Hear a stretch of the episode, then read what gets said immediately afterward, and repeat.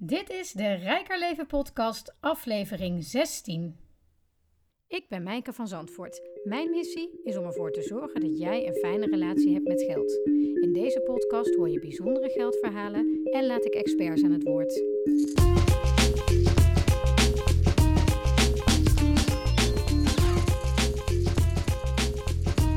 Weer luistert naar een nieuwe aflevering van de Rijker Leven podcast.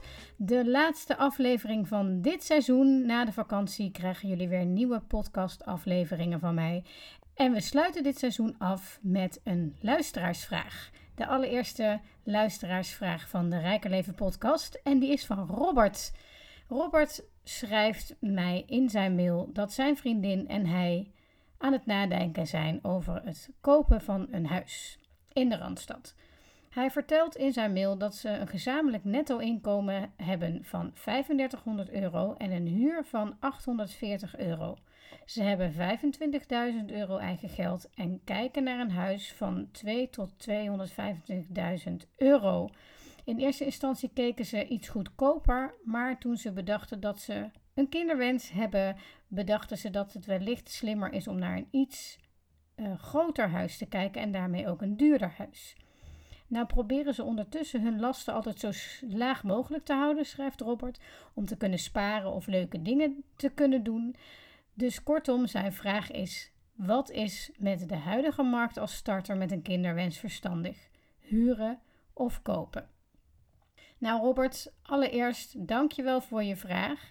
Je schreef al dat je dacht dat meer mensen met deze vraag zouden zitten en uh, ik denk het ook. Dus vandaar dat ik het heel erg leuk vind om jouw vraag in deze podcast te beantwoorden. Ik ben natuurlijk geen hypotheekadviseur, maar ik ben wel voor je aan de slag gegaan om een aantal zaken op een rijtje te zetten.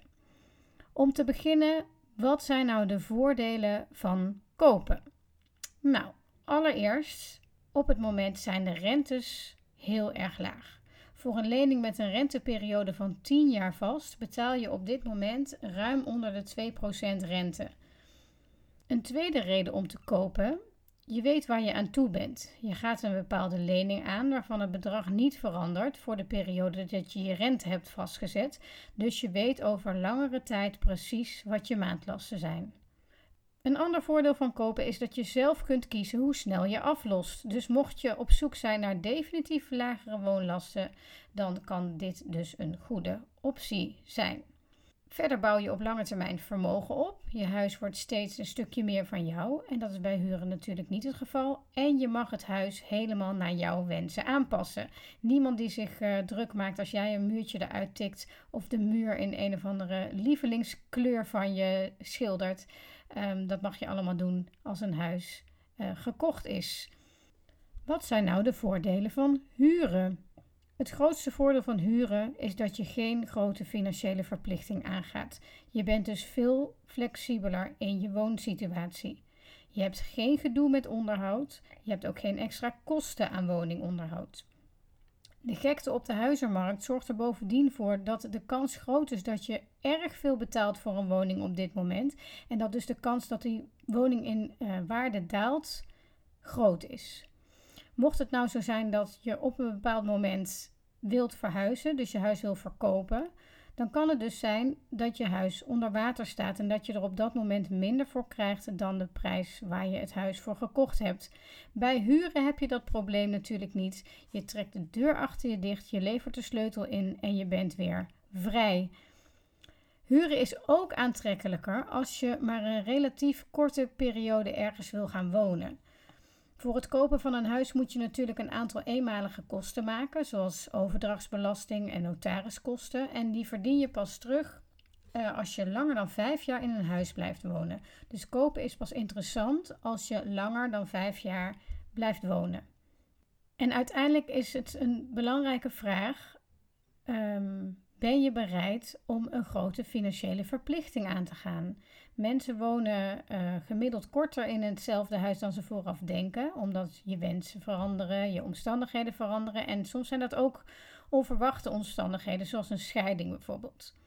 Maar goed, als je de voordelen van zowel huren als kopen naast elkaar zet, dan zou je wel tot de conclusie kunnen komen dat kopen financieel voordeliger is dan huren op het moment dat je dus langer dan vijf jaar ergens woont. Nou, in het geval van Robert en zijn vriendin uh, zijn ze bij het kopen van een huis van 2 tot 2,5 ton ongeveer even duur uit in maandlasten als met hun huidige huur. En het feit dat ze eigen geld hebben is ook belangrijk, want je hypotheeklening mag maar maximaal 100% van je eigen woningwaarde zijn. De eenmalige kosten die komen kijken bij het kopen van een huis moet je dus uit eigen zak betalen. Verder zijn er nog een aantal belangrijke zaken om op te letten als je een woning koopt. Namelijk dat een koopwoning onderhoudskosten heeft. Ik had het er net al even over. Een huis moet goed bijgehouden worden. Er moet goed voor een huis worden gezorgd.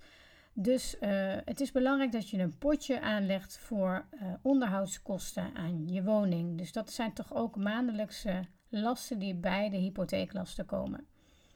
Verder is er voor het verkrijgen van een hypotheek belangrijk om te weten dat je studieschuld meetelt voor uh, de hoogte waar je een hypotheek voor kunt uh, afsluiten.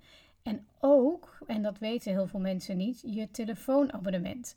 Als jij een losse telefoon hebt gekocht en je neemt alleen maar een abonnement voor je telefoon en internetkosten, dan geldt dat niet. Maar heb je een abonnement waarbij je telefoon uh, eigenlijk op afbetaling is, hè, dus je telefoon zit bij je abonnement in, dan staat dit als schuld geregistreerd bij de BKR en dit heeft invloed op de hoogte van het te lenen bedrag.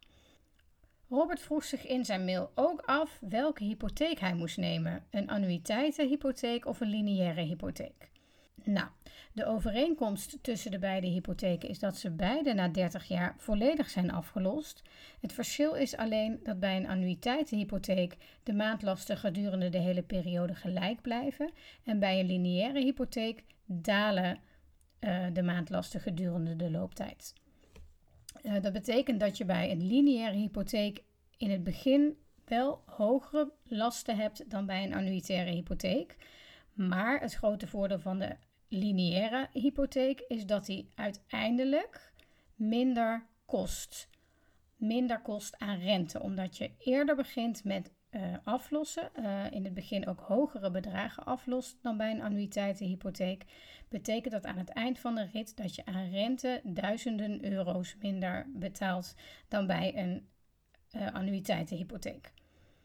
Dus als het je gaat over, uh, als het je gaat om uh, je kosten te beperken en je kunt een lineaire hypotheek in je maandlasten aan, dan zou ik dat zeker adviseren.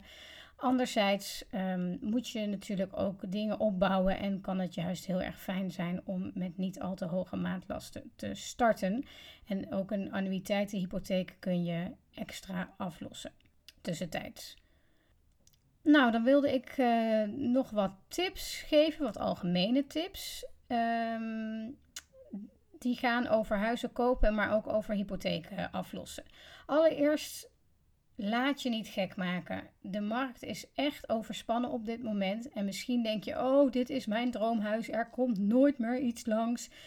Dat valt echt mee. Er komt altijd een nieuwe kans. Dus um, Um, hou vast aan uh, wat je van tevoren met elkaar afspreekt. Sta, sta sterk in je schoenen door vooraf te bedenken: tot aan dit bedrag wil ik een huis kopen en daar ga ik niet overheen.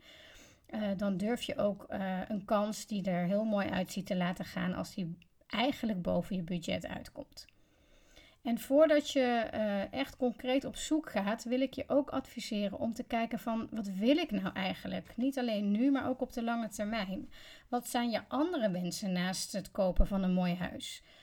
Uh, wil je bijvoorbeeld een uh, gezin beginnen en ben je dan over een tijdje wel in staat om dezelfde maandlasten op te hoesten? Want misschien ga je wel minder werken als er kinderen komen.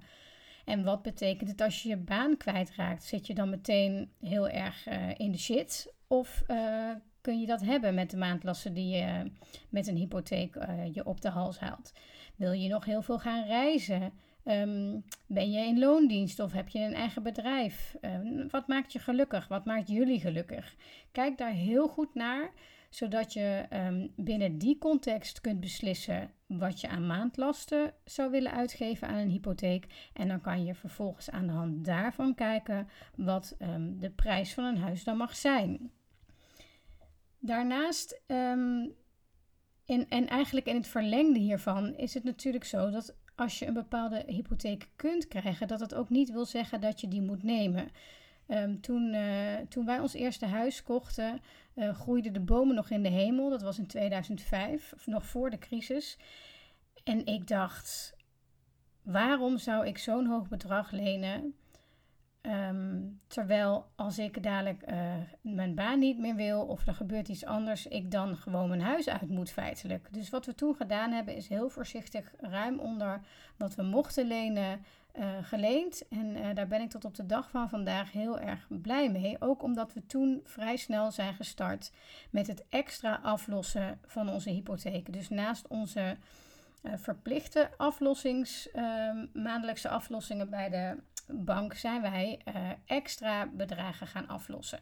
Dat mag bij de meeste banken tot uh, eh, 10% per jaar van de hoofdsom. Bij sommige banken is dat zelfs 20%.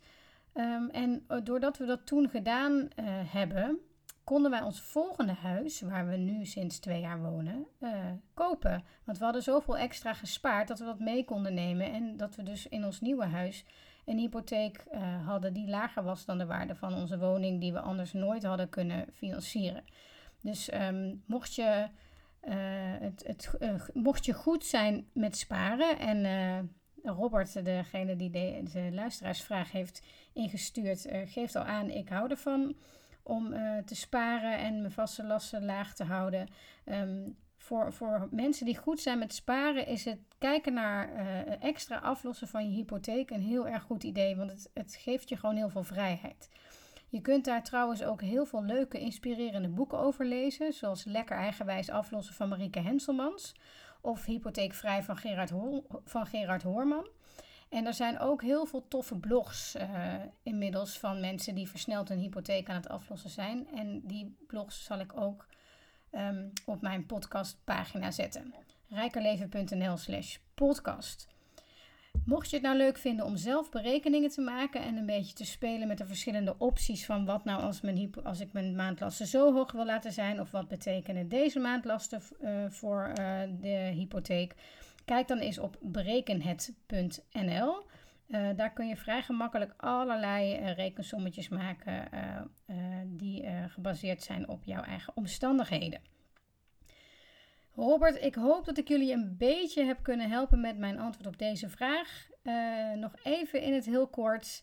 Wil je lagere maandlasten, is goedkoper verstandig op het moment dat je voor langere termijn in je nieuwe huis wil gaan wonen. Ik wens je heel veel succes met je zoektocht. Um, dit was de eerste Rijker Leven luisteraarsvraag aflevering. Ik vond het heel leuk om dit op een rijtje te zetten voor jullie en ik hoop dan ook dat je er wat aan hebt gehad.